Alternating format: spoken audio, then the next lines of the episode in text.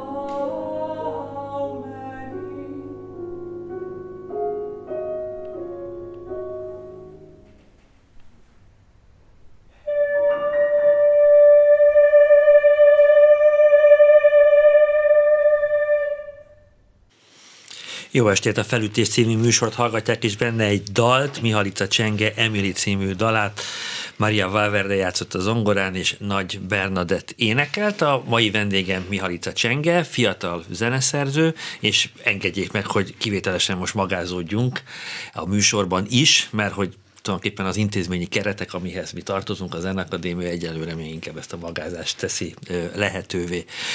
Az apropója a beszélgetésünk az, hogy a Csehországi Generate zeneszerző versenyen, ami egy nagyon rangos zeneszerző verseny, és általában jól szoktak szerepelni rajta a magyar zeneszerzők, talán azt lehet mondani, hogy talán egyik legfiatalabbként nyert második díjat. Ennek az eredmény hirdetése volt idén tavasszal. Úgyhogy azt gondolom, hogy először beszélgessünk erről a versenyről, hogy mi is ez, és hogy hogyan alakult ki a, a döntő. Jó estét kívánok én is a kedves hallgatóknak! Ez a verseny idén harmadjára pályáztam, és minden alkalommal értem a helyezést, de most nem vártam eredményt különösebben, hiszen korcsoportot léptem, és valóban én valószínűleg az egyik legfiatalabb versenyzőként lettem második, és ez fontos megemlíteni szerintem, hogy Dobos Dániel lett az első, és, és Szabó Gergely pedig külön díjat kapott, szóval hogy a magyarok taroltak, mondhatjuk. Ö, és egy dalt küldtem be, a Melankólia a témája, The Author's Abstract of Melancholia címe, hiszen ez egy Robert Burton vers. Ő írta a melankólia anatómiáját, ami egy több mint ezer oldalas mű, csak a melankóliáról a 17. század első felében íródott, és a mai napig a leghosszabb mű, ami a melankóliáról szól. És hát szerintem ez a vers az, ami ugye a legtökéletesebben megfogja ezt az egész érzetet, a melankóliát, úgyhogy Na, ez éppen közel állt hozzám, úgyhogy ezért választottam ki ezt a hosszú verset, és hát ugye a darab is 20 perc lett. És milyen kísérlet, milyen apparátus? Ö, igen, ezt nem mondtam. Ö, az előbb hallhatott dal előadója adták elő ezt is, egy zongora ö, ének mű, mezoszoprán vagy alt. És hogyha majd le, fog még a, dar, a műsor során még elhangzik majd egy-kettő, még három kompozíció, szerintem majd mindig beszéljük meg előtte, hogy az az adott kompozíció az mikor keletkezett, és Rendben. rá is kérdeznék arra, hogy ez a bizonyos Emily című dal, ez a, a, a Generace versenyen beadott dalhoz képest mennyivel régebbi? Hát ez teljesen új. Ez új? Ez új. Amit a Generation-re adtam be, az, az egy 2000 20 őszén, telén őszén írodott mű. Ez viszont egészen teljesen friss, most volt a bemutatója ennek az első dalnak, hiszen ez egy dalciklus. Szóval el, eléggé távoli, friss. igen, ahhoz képest a, a melankóliás darab. De hát ez, ezt is azért szerintem valamennyire áthatja a melankólia, mint olyan azt így, így, így hallgatva ezt a dalt, most én nem akarok tippelni, de vannak sejtéseim, hogy, hogy, hogy éppen, éppen milyen, milyen szerzők voltak hatással önre, amikor, vagy éppen, vagy milyen, milyen, milyen irányban gondolkodott, amikor a, a dalnak, mint műfajnak a, a, a kereteit próbálja meg a saját eszköztárával kitölteni. Hát az az igazság, hogy valami egészen más és nagyobb szabású művön dolgoztam, ami egy teljesen elektronikus mű, uh-huh. és uh, nagyon kezdtem belefáradni, már hiszen két és fél óra és még most sincs kész, és ez a, az aprólékos elektronikus munka, ez kezdett már annyira lefárasztani, hogy, hogy hirtelen ezek az Emily Dickinson szövegek annyira magukba szippantottak, hogy hogy muszáj volt erre írom, de konkrétan nem lebegett előttem uh-huh. példa, hanem, hanem inkább csak az, hogy nagyon ellenkező dolog, mint legyen, amit írok, mint, mint az elektronikus Tehát ugye az Emily Dickinson költészetének eleve van egy ilyen, ilyen, ilyen magában való dalszerűsége, tehát hogy általában Igen. nagyon kis rövidek, nagyon kis, nagyon, nagyon jó megragadható állapotokat, érzeteket, Igen, impulzusokat közvetít, tehát az egész 100% lira, az Emily Dickinson, és hogy ez a zene, amit most itt hallottunk a, a, a szöveg mellett, ez, ez, ez egy picit nekem ilyen századfordulós asszociációkat Kicsit, keltett. Igen. Hogy talán mondjuk Debussy így nyújt volna egy, egy angol költőnek, a, vagy egy angol nyelvű költőnek a szövege, ugye Dickinson amerikai volt. Lehet, lehet igazából, végül is nem áll, nem áll messze, de tényleg nem lebegett ilyesmi a szemben uh-huh. a komponálás során. Beszélgettem egy kollégámmal, aki nagyon régóta ö, ismeri önt, tehát még, még, még általános iskolás korából, és ő mesélte, hogy hogy, hogy hát hogy hétről hétre, most nem akarom szó szerint idézni, de ilyen tonna számra szállította az újabb darabokat, és hogy Hát az, így volt. és hogy, ennek, és hogy, hogy, hogy, az volt az érdekes ebben, hogy, hogy ezek leírva voltak. Tehát, hogy, hogy az nagyon érdekes szerintem, hogy ilyen 12-13 éves korban a, a, a zene alkotási kedv az ennyire íráscentrikusan, ennyire írásban jelenik meg, és nem hát, pedig a, a csinálásban, az, hogy hangfelvételeket készítek, hát ugye meg, az a generáció, hogy tulajdonképpen kéz zenéket tud otthon is csinálni, de hogy ez a leírás, ez miből fakad? Hát ezt hozzá kell tennem, hogy igazából én, én nagyon-nagyon nagyon nem szerettem leírni semmit, csak a tanárnő nem hallgatta meg másképp, ez az őszinte válasz. De viszont ezt nagyon köszönöm neki, hiszen azóta legalább leírok dolgokat, az, mm. azon túl kellett esni ezen a ponton. De valójában, valójában inkább csak, tényleg csak ezért írtam le, de például csináltunk pont abban az évben egy barátommal hangfelvételt uh-huh. darabjaimról, szóval, hogy az is így, így megvolt. Egy ilyen kis CD-t, ami, ami ilyen nagyon korai kis darabok vannak. Szóval az is volt, de, de az tény, hogy, hogy tonna szemre vittem, és szegény tanárnő nem biztos, hogy mindig örült már. És ö, hogyha az ember ezeket így előveszi, így, mit tudom én, ilyen 6-8-10 év távlatából ezeket a korai darabokat, hogy ezekben vannak olyan ötletek, amelyek még akár most is aktuálissá válhatnak? Tehát, hogy nekem erre van egy saját válaszom, de átadom a Hát ez egy érdekes kérdés, igazából már nagyon régen nem is pillantottam uh-huh. rájuk, de volt egy időszak, amikor még konzis voltam, hogy elővettem régebbi, hát akkor, akkor ezek réginek tűntek, pedig Igen. hát csak pár évesek voltak, szóval elővettem ezeket a régi ö, kompozíciókat, és akkor ezeket valamilyen módon átdolgoztam különböző apparátusokra, különböző tételekként egy-egy műhöz csatoltam őket. Nekem az lett volna egyébként a különböző válaszom, hogy, hogy, hogy, hogy leginkább nem. Tehát, hogy, hát igen, hogy leginkább hát most nem már nem, most már nem, nem nagyon mutatkoznak velük sehol. Hmm. De hogy, de hogy, de hogy még, a, még a problémák sem ismerősek. Tehát, hogy ami akkor foglalkoztatja az embert, az, az, az, az, az, az elmúlt. Tehát az, az, azzal az életkorral együtt elmúlt, és egészen más a nézőpont, más a megközelítés, más anyagokkal dolgozik az ember. Hát Tehát, meg hogy... az is benne van, hogy más hangszer, akkor csak igen. zongorára komponáltam. És kizárólag? Hát szinte, igen. És akkor tulajdonképpen a, a zeneszerzés az onnan is jött, hogy a, a zongora órákra való felkészülés és a gyakorlás megúszása. Hát nem feltétlenül a megúszása, igazából nem is nagyon akartam elmondani senkinek, hogy én komponálgatok. Uh-huh. Szóval ez így anyukám köpött be, úgymond. Öm, de igen, szóval improvizatív alapon kezdődött az egész akkoriban. És ö, nagyon gy- ilyen szokott előfordulni egyébként, hogy az embert azok a darabok kezdik el foglalkoztatni zeneszerzőként, amit éppen gyakorolnia kellene. Vagy az a stílus, vagy azok a faktúrák, azok a jellegzetes pianisztikus elemek, hogy akkor ezekkel én kicsikét elkezdek dolgozni. Hogy ez így visszamenőleg, az ahogy így volt? Akkor Azt így... hiszem, igen. Igen. És ki volt a kedvenc szerző ebből a szempontból, hogy kiből lehetett a legtöbbet kihozni zeneszerzőként? Hát ezt nem tudom igazából. Um, de nagyon szerettem Chopin, de nem Chopin-es uh-huh. zenét írtam annyira. Bachot például? Bachot is szerettem, de nem is Bachosat Aha. írtam, inkább Aha. ilyen, nem is tudom, ilyen, ilyen rövid karakterdarabokat írtam, amik általában kicsit viccesek voltak, vagy vagy nem tudom, arra viszont nagyon szerettem a mol hangnemeket, de hát... Hát jó, ez de hát ez, minden. Igen, igen, ez mindenkivel kb. így van. Következik egy, egy olyan kompozíció, ami címében egyébként egy dalt ígér, az a cím, hogy Song, de ha jól láttam, ez egy ensemble darab, basszusklaninét, basszusharsona, ütők, harmonika és bőgő szerepel benne, tehát hogy eléggé mély tónusú Abszolút. kompozíció, hogy talán három szóval vezessük fel ezt a darabot.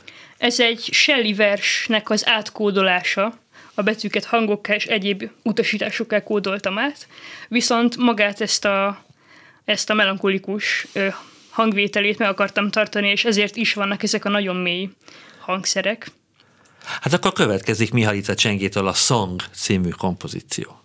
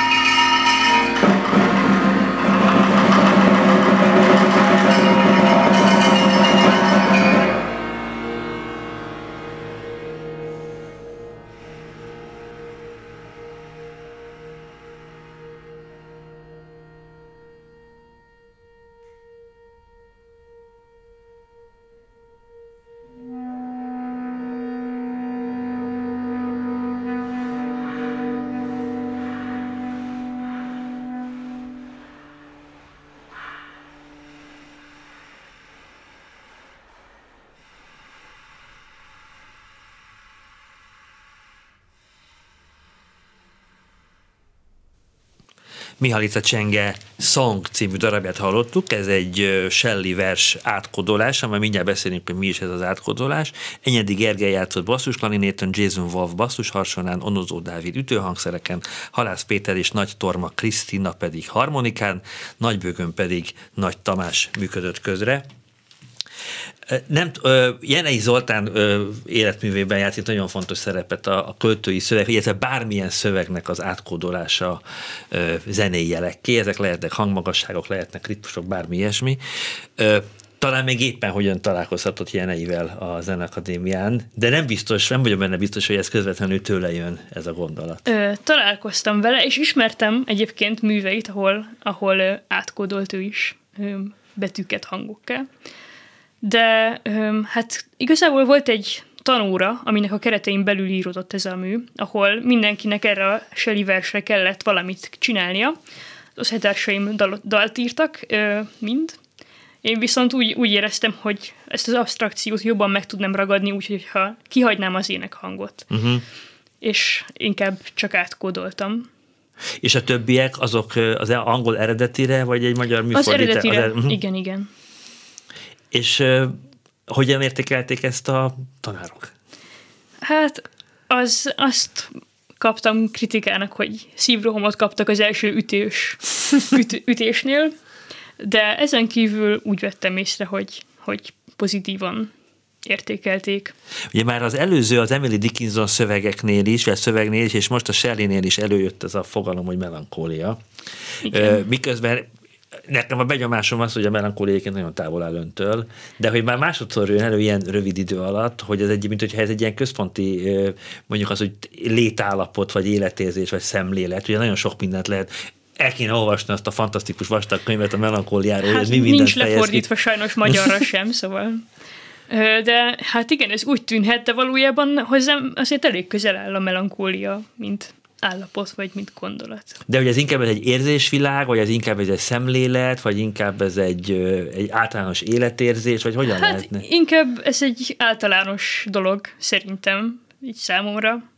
Öm, habár nem mondom, hogy folyamatosan jelen van, mm. szóval azért. Öm, de például Robert Burton, ő úgy gondolta, hogy a melankólia az mindenben benne van, tehát minden melankólia. Pont ez volt a jó a versében, hogy hogy össze lehet keverni anyagokat különböző, mondjuk vidámabbnak tűnő szövegekkel, és pontosan így lehetett előhozni a melankóliát, hiszen ez azért annál tágabb fogalom, mint ahogy mi használjuk szerintem. Igen, mert a, a, a melankólia a, a, a magyar nyelven, vagy a, a mi nyelvhasználatunkban nagyon gyakran ilyen ilyen lemondást jelent, meg, meg, meg akaratgyengességet, meg a változtatásra való képtelenséget, beletörődést, passzivitást, ilyesmit jelent. Miközben egyébként, amennyire tudom a melankólia filozófiáját, mert hogy ez egy, mégiscsak ez egy filozófiai topik, hogy, hogy, hogy ebben rengeteg kreatív energia is rejlik magában ebben a létállapotban, hogy melankólia. Igen, igen. Öm, hát olvastam egy remek könyvet, Földönyi F. László könyvét. A melankólia dicséretét. Ö, nem, van a Simán Melankólia című könyve is. Ö, én, én azt azzal ismerkedtem meg. És nagyon sok példát hoz híresebb íróktól, vagy költőktől is akár, akik, akiknek vannak egyes pillanataik, amikor amikor valaki annyira maga alatt volt, hogy még a pisztolyt se volt elő, kedve elővenni, hogy öngyilkos legyen, meg hasonlók. Szóval Inkább Tehát, írt egy verset. Inkább, inkább írt egy verset. De szóval, hogy a melankólia azért eléggé ö, tágfogalom. Például hozott olyan példát is Földényi, hogy ö, valaki nem, nem bírt órát tartani, mert az egyik diákjának a legfelső gombja nem volt begombolva, és uh-huh. ezért képtelen volt megtartani az órát. Szóval, hogy ő egészen, ő is habár nem biztos, hogy teljesen egyetértett a, a, a Robert Burton melankólia gondolatával, de mégis azt hiszem mégis ő is sok mindenbe belelátta a melankóliát. A, még, még egy, egy, egy, egy gondolat erejéig maradjunk ennél a, a melankólia fogalomnál, hogy maga az, hogy ezen a, ezzel, ezzel a dologgal foglalkozik, ezzel a, ezzel a dolog, hogy, ez, hogy ez gondolkozik erről, ez önmagában is tud egy zeneműnek inspirációforrása lenni? Tehát pusztán az a fajta szellemi izgalom, amit az ember ennek a fogalomnak a tisztázásával tölt el, hogy ez valahogy át tud transformálódni zenei kreativitássá. Azért kérdezem ezt, hogy, hogy inkább zenék ösztönzik arra, hogy zenét írjon, vagy zenén kívüli dolgok ösztönzik arra, hogy zenét írjon? Hát, ez egy jó kérdés. Én úgy hiszem, hogy a melankólia is ösztönözhet zene írására, hmm. de, de úgy is gondolom, hogy a melankólia ösztönözhet arra is, hogy ne írjon az ember zenét, akár. Viszont sok zene, zenén kívüli dolog is ösztönöz. Például matematikai érdeklődésem is van. Így aztán a formákat nagyon kifejezetten szeretem, viszont nem csak a zenei formákat gondolom lehetségesnek, mint zenei formák, hanem egyéb uh-huh. matematikai struktúrák alapján is gondolkozom. És amikor mondjuk akár, akár kortársakkal, akár idősebb kollégákkal, tanárokkal ilyesmit megvitatnak, akkor előszokott az jönni, hogy hát jó-jó, de erről inkább ne beszéljen majd a nagy nyilvánosság előtt, mert onnantól kezdve ezeket a struktúrákat fogják állandóan keresgetni a darabban, és nem pedig hallgatják a darabot. Hát eddig nem volt olyan, hogy nagy nyilvánosság előtt beszél, beszélhettem volna, így aztán mhm. ez a kérdés még így nem, nem akkor, merült akkor, fel. Akkor legyen egy figyelmeztetés. Köszönöm. Hogy hogy nagy, nagy nyilvánosság előtt csak óvatosan ezekkel a struktúrát érintő kérdésekkel, mert onnantól kezdve Egyébként ugye a mi, mi közös pályafutásunkon is találtunk erre példát, ugye Sofia Gubajdulina beszélt a különböző matematikai struktúrákról, Igen. miközben a zenéje az inkább, inkább intuitívnak tűnik, inkább nagyon impulzívnak, tehát hogy Igen. inkább ilyen, ilyen ösztönvezéreltnek, és akkor onnantól kezdve teljesen így lehullott a darabokról, és akkor mindenki elkezdte nézegetni benne ezeket a számarányokat, aminek valószínűleg igazából nincs jelentősége abból a szempontból, hogy az a zene az hogy hat ránk egyébként, és hogy mond-e valamit, vagy nem nem mond valamit. A következő darabot akkor picit most konferáljuk fel, mert ezen maga fog majd játszani. Hat zongora darab, három és fél perc, ez mind a hatot takarja? Vagy nem, ez, ez csak három Ez csak három fog takarni. Hogy ez mikor íródott, mikor készült? Ez még 2017. Akkor ez egy régi darab. Igen, ez egy régi darab. Abszolút, és... Sőt, hogy a 2017, akkor ez tulajdonképpen még az Zenakadémi felvételi előtt. Igen, van. ezt hoztam felvételizni is. Valamint ezzel egyébként pont a generáció versenyen első lettem pont tavaly, amikor még a másik korcsoportban voltam. Ö, hát igen, ez még egy másik kornak a, a műve. De még vállalható. De vállalhatónak tartom, igen. Szóval, hogy ez még pont így egy olyan darab, ami a másik, még egy másik korszakból van, de még vállalható.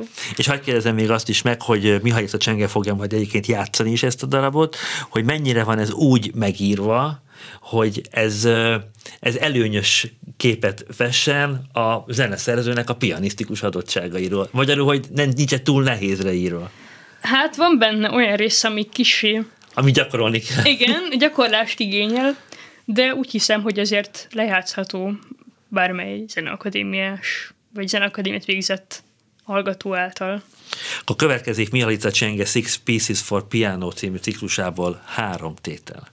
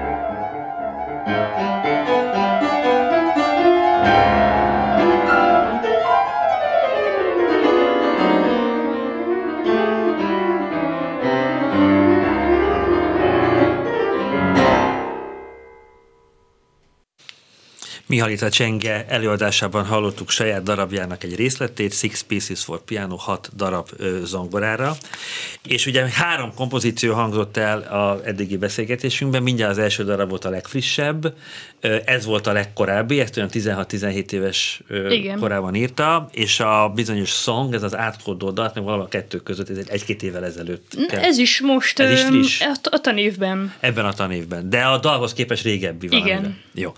Na most, hogyha nekem ezt a három darabot így lerakják, és azt mondják, hogy állapítsam meg ennek a kerekedési sorrendjét, akkor nem, én nem egyáltalán nem vagyok benne biztos, hogy ezt a sorrendet mondom, hogy ez valahogy a dal és a, a, az ensemble darab közé raktam volna, és a dalt gondoltam volna egyébként a legrégebbinek, Igen. a legkorábbinak. Ugye ez, nem tudom, hogy szoktak-e ilyenről gondolkozni ebben a korban a zeneszerzők, hogy, hogy mennyire hogy milyen, milyen irányban halad a stílus, hogy inkább előre halad, inkább stagnál, inkább, inkább visszanyúlik, tehát hogy van, van egy, ezzel, ezzel kapcsolatban, a, a hullámzással kapcsolatban van-e bármilyen benyomás egy fiatal ö, zeneszerzőnek, és hogy foglalkoztatja egyáltalán ez a kérdés? Hát engem abszolút foglalkoztat, és én megfigyeltem magamon, hogy ez így szakaszos nálam, hogy vannak ilyen nagyon tonális és nagyon egyértelműen tonális, úgy értem, szakaszok, és vannak olyanok, amikor sokkal inkább öm, kísérletezek. Uh-huh. És ezek így pár évente váltják egymást általánosságban. Most éppen, most éppen egy tonálisabb szakaszban uh-huh. vagyok. És amikor a, a, a kísérletező szakaszoknál ott, ott mi volt úgymond a rejtvény, amit, amire a kísérlet vonatkozott? Tehát, hogy mi, mi az, ami izgatja egy fiatal zeneszerzőnek a képzeletét egy zenei struktúrában? Hát például, hogyha most maradunk a hat tétel zongoránál, ami most elhangzott, Öm, Ezek, ez egy experimentális mű volt, ez egy 16 hát, éves kor, kori experimentális. Ezt se nevezném annyira experimentálisnak, de hogy viszont itt, itt az volt, ami, ami izgatta a fantáziámat, hogy egy egy akkordot vettem, egy piramis akkord nevű akkordot, ahol mindig egyre nőnek a, a hangközök, és hogy ezzel mit lehet kezdeni úgy, hogy zenei is legyen a uh-huh. dolog. Szóval általában valamilyen strukturális gondolat vezérrel olyankor, amikor kicsit másfele nyúlok, és nem, nem a tonálisabb világok fele. Persze ez most pont elég tonális zene volt, Igen. amit hallottunk. Akkor hagyd kérdezzem meg azt a, egyrészt engem is érdekel, de szerintem a rádióhallgatókat meg különösen érdekli, hogy egy 16-17 éves lány hogy találkozik egy piramis akkorddal? Hát, hogy, hogy jön ez be a képbe? Hogyan adod az asztalára? Egy szemben? Pongrács Zoltán uh-huh. kötetet vettem ki a konzinak a könyvtárából, mert akartam különböző hát különböző ilyen extended technik, uh-huh. hát ilyen kiterjesztett technikákra ö, jeleket találni, amik, amik már ugye benne vannak a köztudatban, csak én még nem tudtam, uh-huh. nem ismertem őket, és hát abban a könyvben találkoztam. Nem is tudom már pontosan mi volt a könyv címe, de az biztos, hogy egy Pongrász Zoltán könyv volt. És ebben a könyvben találkoztam egy piramis akkord. Hmm, érdekesnek tűnik, használjuk fel. Aha. Akkor ez már azt jelenti, hogy akkor ez a 16 éves korban ez már, már nagyon-nagyon tudatosan már a zeneszerző pályára, a felvételére, a zenakadémiára fókuszálva történt minden ami, ami zenével kapcsolatos. Hát igen, ezt a darabot nem feltétlenül a felvételire írtam, bár ott is ugye ö, oda vittem, de, de abszolút, szóval, hogy nagyon így a zene uh-huh. volt már a fókuszban. És az előadó művészet már kevésbé? Kevésbé, igen. Ö, tényleg ez, ez egy nagyon nehéz pedagógiai kérdésnek tűnik, amit most föl fogok ö, tenni, hogy hogyan lehet egy 13-14 éves ö, ö, fiatalembert ö, terelgetni zeneszerzőként? Hogy magánál, hogy, ez hogy működött? Mert hogy tanáraim hogy terelgettek Igen, meg hogy maga hogy érezte magát terelgetve lenni? Ja, aha, azt hiszem értem a kérdést. Ö, hát én én élveztem terelgetve lenni, mert ez a terelgetés szerintem abból állt, hogy megmutattak minél több művet, meg minél, minél jobb spektrumot próbáltak a szemem elé tárni. Uh-huh. Mindenféle zenéket és mindenféle stílusokat, és minél többet. És szerintem ez a legjobb. Szóval nem feltétlenül úgy terelget, úgy van terelgetve az ember, hogy hogy akkor ah, ne írj ilyet, mert ez túl is, vagy ez túl Igen. experimentális, vagy bármi, hanem csak annyi, hogy mindent az ember elé tárni, amit, amit csak tudunk. És ö, mennyire ö, tehát ebben, a, ebben a korban, tehát ez a 14-15, amikor már tulajdonképpen akár már ilyen, ilyen, ilyen professzionalizálódás irányába halad az ember, mint, mint zeneszerző, hogy mennyire ö, fektettek nagy hangsúlyt, talán ugye el lehet mondani, hogy a Weiner konziba járt, ugye? Igen, a Weiner. És a Mesko Ilona volt a, ott a tanára. Ott ő csak egy évig, amikor hetedikes voltam utána pedig Horváth Bálintnál tanultam. Horváth Bálintnál. Hogy milyen, milyen, milyen, milyen hangsúlyt fektettek a, ezekre, a, mondjuk azt, hogy a, a, a régebbi korok zeneszerzői stílusaira, a régebbi korokra jellemző formáknak a, a biztonságos kezelésére, mert ugye ott szokott a legtöbb diáknak elmenni a kedve az egésztől, hogy most... A stílus gyakorlatoknál. Igen. Hát nálunk az volt, hogy hétfőnként volt egy öt és fél órás főtárgyunk délután, amiben jó sok minden belefért, és például végighallgattuk az összes Beethoven szimfóniát is. Uh-huh. Szóval, hogy így volt, így is ismertük meg jobban a stílust, és hát nem mondom, hogy akkor annyira stílusban lévő stílusgyakorlatokat írtam, de, de hát mindenki így kezdi. Uh-huh. De hogy például ott, ott, ott, ott nagyon sok minden kiderül egyébként az, hogy az ember nem is az, hogy milyen jól hal, hanem hogy amit hal, az milyen gyorsan tudja magáévá tenni, milyen gyorsan sajátít el bizonyos dolgokat. Tehát, hogy, hogy amire azt mondják, hogy hát mit elmondom neki kétszer a dolgokat, és mehetünk is tovább, mert érti. És akkor erre azt mondjuk, hogy tehetséges, miközben nem is ez a tehetség, hanem neki valami más. És akkor valaki megnyüglődik, nem megy neki, nem, nem úgy jön. Tehát már elmondtam neki, hogy nyolc ütemet írjál, a negyedik ütemnél legyen egy félzárlat. Tehát mondott neki ilyen, ilyen, ilyen praktikus dolgokat, de hát az halál uncsi, és direkt nem csinálja, és akkor arról meg általában le szoktak mondani a tanárok. Hát szerintem először kell vért pisilni a dologgal, és utána, uh-huh. utána már sokkal inkább megy. Akkor, én, én így tapasztaltam. Akkor ez nem okozott semmi felt a, a nehézséget, és akkor a szabad kompozíció az, az, az, az az párhuzamosan ezzel a bizonyos technikai Igen. készségeknek az elsajátításával, tehát hogy az egyik nem ment a másik rovására. rovására. Nem, nem, szerintem úgy, úgy normálisan uh-huh. haladtam mindkettővel. És arra például volt példa, amikor mondjuk egy, egy, egy, egy, egy saját darab alapján a, a, a mester, a tanár azt mondta, hogy hát Csenke ez a darab, ez pont olyan, mint maga. Nem tudom. Ez... Mert az, nem. lenne, ugye, az lenne a dicséret. Szerintem nem volt ilyen pillanat, hogy ez a darab pont olyan, mint. Nem volt? Nem, nem hiszem. Nem, nem jut eszembe ilyen. És azóta már érze, érezte azt, hogy egy darab az pont olyan, mint maga? Hát amikor írok egy darabot, akkor általában pont azt érzem, amit leírok, uh-huh. szóval Szóval addig igen, viszont utána ez változó, hogy mennyi ideig tartom magamnak azt a darabot, tartom magamének, úgyhogy az engem jól kifejez.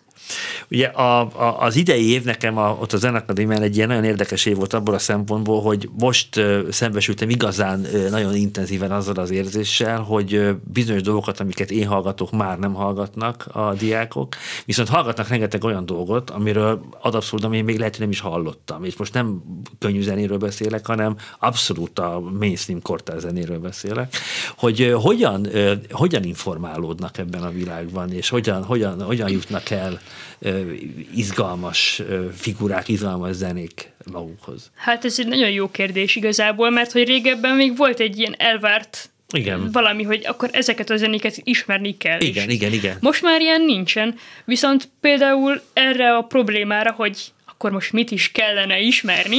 A formaton és analízis óránkon például tett a tanár úr egy kísérletet, hogy csak 2010 utáni zenéket nézünk, és viszont mindenki hoz be anyagokat, ő ki volt a Tornyai Péter? Vagy? Nem, nem, nem, Kecskés D. Balázs. Kecskés D. Balázs. Tehát azt mondta, hogy 2010 deadline, ami előtte van, az múlt, az ősember az. Hát, hát azok nem feltétlen, ah, értem, de hogy, értem. igen, uh-huh. de hogy nem egy... ismerjük a jelenkor zenéjét igen. igazából, hiszen annyi zene születik minden pillanatban, igen. hogy ezt nem lehet ismerni. És hát abból ki tudja, hogy milyen rengeteg van az, ami zseniális, ami zseniálisan megért mű, de hát nem fogjuk megismerni talán soha. Úgyhogy, úgyhogy van például ilyen ö, kísérlet már a Zeneakadémián is, hogy akkor valahogy próbáljuk meg, ha nem is mederbe terelni uh-huh. a dolgot, de, de mindenhonnan kivenni egy-egy szálat. De hát szerintem főképp véletlenül, vagy nemzetközi mesterkurzusokon, vagy ilyesmi. Tehát tulajdonképpen akkor mégiscsak a véletlen. A, hát a, a véletlen, ez elég fontos, aha, igen. Igen, igen, véletlenül jutnak. Az egy érdekes játék lenne, hogy mondjuk egy, egy évet foglalkozni a 2010 utáni zenékkel, és utána egy másik évet foglalkozni, másik tanévben foglalkozni a 2000 és 2010 közöttiekkel, hogy mondjuk ilyen évtizedek viszonylatában lehet-e ilyen évjáratokról beszélni? Hm. Hát igen, ez érdekes lenne. És akkor egyébként maguknak akkor sokkal jobban rálátás, hogy tőle mindig megkérdezik, hogy most éppen milyen tendenciák vannak, és akkor a, az én, hogy mondjam, az én csökött agyam a, a tendenciákat azokat ilyen 50-60 éves távlatokban képes csak elképzelni, miközben valószínűleg sokkal praktikusabb lenne ilyen 5-10 éves távlatokban gondolkozni, mert a kérdés arra vonatkozik, hogy a merre tart hát a világ zeneszerzése, ezt nagyjából az elmúlt 10 évnek a terméséből lehetne megítélni, hogy például most fölteszem ezt a nagyon most kérdést, és akkor hát, ha föl is írom, és akkor legközelebb majd, majd plagizálom, hogy merre tart most a, a világzeneszerzése. Mi, mi, a, mi, mi volt a benyomásuk a, a 2010-es, hát termésnek nem nevezném, hanem mintavételből? Hát a mintavételben minden szerepelt, uh-huh. úgyhogy hát az már egy ideje látható, hogy hogy most már nem az van, hogy csak ilyen zenét, vagy csak olyan zenét komponálunk, hanem bármit lehet komponálni, hogyha az jól meg van írva. Most általánosságban ez van, de valószínűleg szerintem egy kicsit abba az irányba is megy, hogy mire használjuk a zenét. Hogy, hogy nem feltétlenül csak így a használati zenékre gondolok, hanem általában az, hogy akkor én ezt most arra írom, hogy a kollégáim hallgassák ezt a zenét, mert más úgyse fogja, Igen. vagy arra írom, hogy, hogy nem feltétlenül akár egy filmhez, de akár egy filmhez is, hogy, hogy nagyobb közönség is meghallgathatja. Szóval inkább, inkább ez van, hogy ki fogja meghallgatni. Most már ez a kérdés. Uh-huh. És az a, a mai zeneszerző generációt nyomasztja az az állapot, ami mondjuk az elmúlt 30-40 évben jellemezte a kortárs zeneszerzést, hogy nem, hogy, hogy egyre beszűkülő, közönsége van, hanem hogy tulajdonképpen a szakmaira szakmának. Tehát ez a, ez a helyzet, ez, ezzel nagyon korán szembesültek, és nagyon korán elretentőnek bélyegezték meg ezt a helyzetet? Hát nem mondom, hogy te elrettentő, hiszen még komponálok, Aha.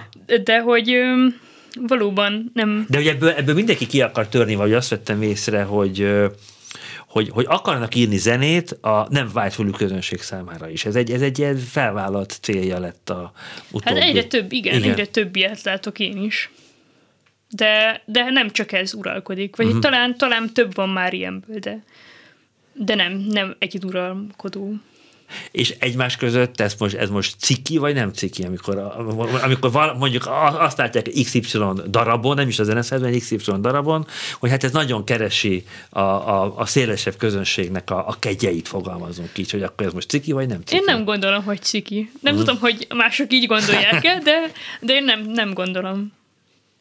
Hogyan látja mondjuk a, a nem is a következő öt évét, hanem ha majd végez a zenakadémián, az, az vagy jövőre lesz, vagy hogyha még mondjuk doktorizik, akkor mondjuk négy-öt év múlva, hogy akkor utána most előre mondom, akkor lesz egy nagy váltás. A, a, ahogy befejezi a tanulmány, egy lesz egy nagy váltás, lehet, hogy el fog menni külföldre, az is nagyon nagy váltást fog hozni, de hogy milyennek látja mondjuk tíz év múlva önmagát, mint zeneszerző? Mi lenne az ideális? Hát az ideális az az lenne, hogy, hogyha fent tudnám tartani magamat komponálásból. Viszont nem úgy, mint, egy, mint, mint ahogy mondjuk a zongoristáknál az van, hogy egy versenyistálló, hanem, uh-huh. hanem sokkal inkább kényelmesen. De hát ez valószínűleg csak egy vágyálom marad akkor is. Úgyhogy én szívesen tanítanék például. Most is vannak magántanítványaim, és ez, ez teljesen élvezetes számomra. És ők is zeneszerzést tanulnak? Van, aki zeneszerzést tanul, igen. És látja saját magát a, a, a szituációkban? Ö, igen, szóval ezt teljesen el tudom képzelni igazából. Hmm. De hogy nem úgy értem, hogy látja magát a 6-8 évvel korábbi magát abban a szituációban, ja. amikor maga a tanár, és abban Ó, a kis igen, növendékben. Igen, abszolút.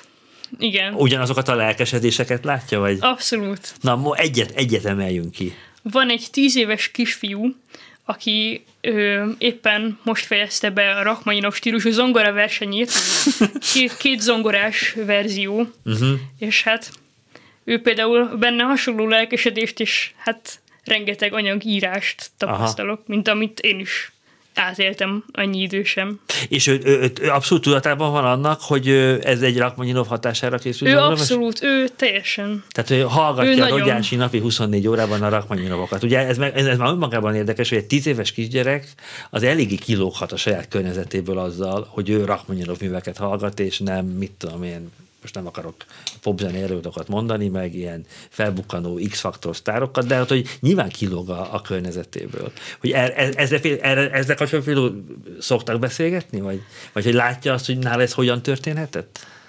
Hát nem szoktunk erről uh-huh. nagyon beszélgetni, hanem inkább csak haladunk az órával. Az ja, ja, tudomásul veszük, hogy csodabogarak vagyunk.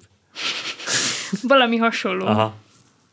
Hát de egyébként a Rachmaninova szerintem az ember tíz éves korában van, van már egy ilyen emésztési fázis, az, az, az pozitív, mert az, az, az, az egy összetett, komplex, nehéz zene. Tehát, hogy... Hát igen hogy ilyen szempontból. Tehát akkor, ha azt mondom, hogy tíz év múlva Mihalica Csenge szeretne abból egy biztos egzisztenciát, hogy évvégén megkapja az Artisius-tól az éppen aktuális jogdíj értesítőt, és akkor megnyugszik, és leesik egy kő a szívéről, akkor az úgy rendben lenne. Hát az rendben lenne. És hogyha azt mondom, hogy akkor, akkor, most, akkor ne, ne, ne csak ezt a megélhetési részét nézzük, hogy, hogy me, melyek azok a műfajok, melyek azok a tip, milyen ilyen típusú feladatokkal szeretne mondjuk tíz év múlva intenzíven foglalkozni?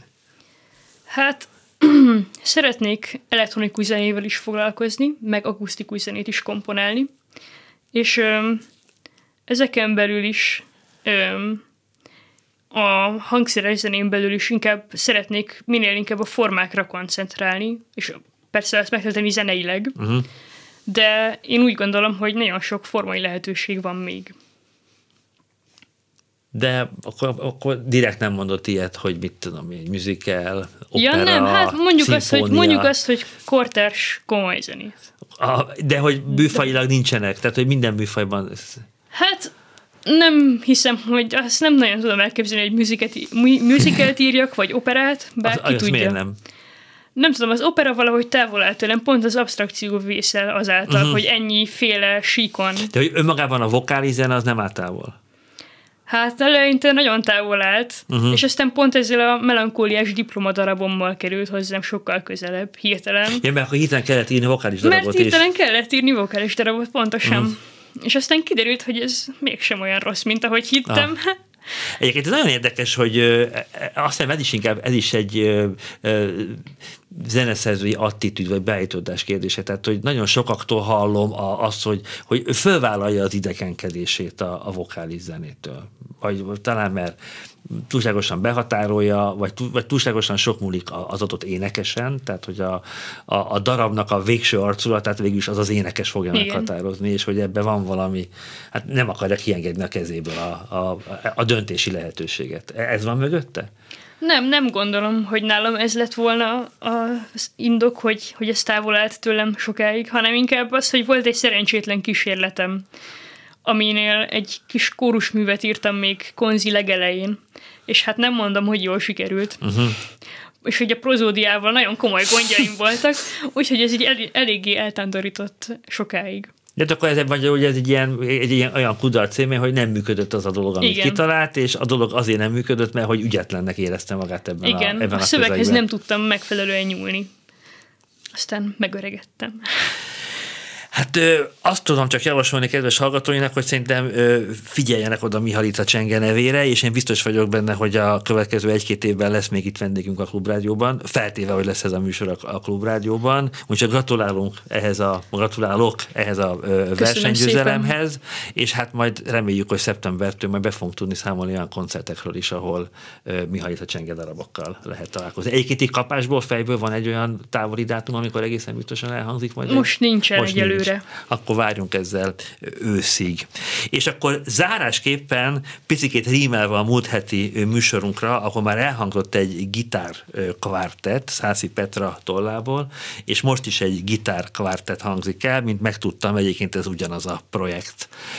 Ugyanannak a projektnek a keretében hangzott el ez a darab. Zoltai Döme, Tátrai Farkas, Nagy Márton és Tóth Krisztián fog játszani gitáron. A mai adás elkészítésében Gál Bence volt, a segítségünkre az adás szerkesztője SS Kinga volt, és a jövő héten kedves Csanád zeneszerzőt fogjuk nagy szeretettel faggatni itt a stúdióban. Viszont hallásra Molnár Szabolcsot hallották.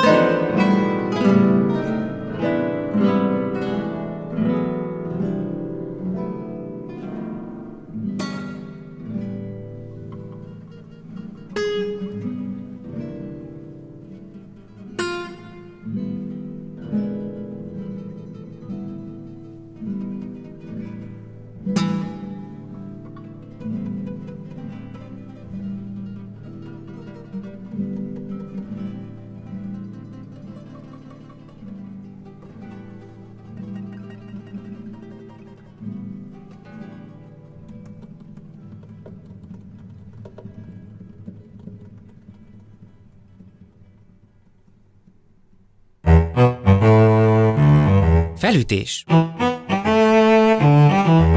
Remek művek és alkotóik a klasszikusok vonzásában. Molnár Szabolcs műsorát hallották.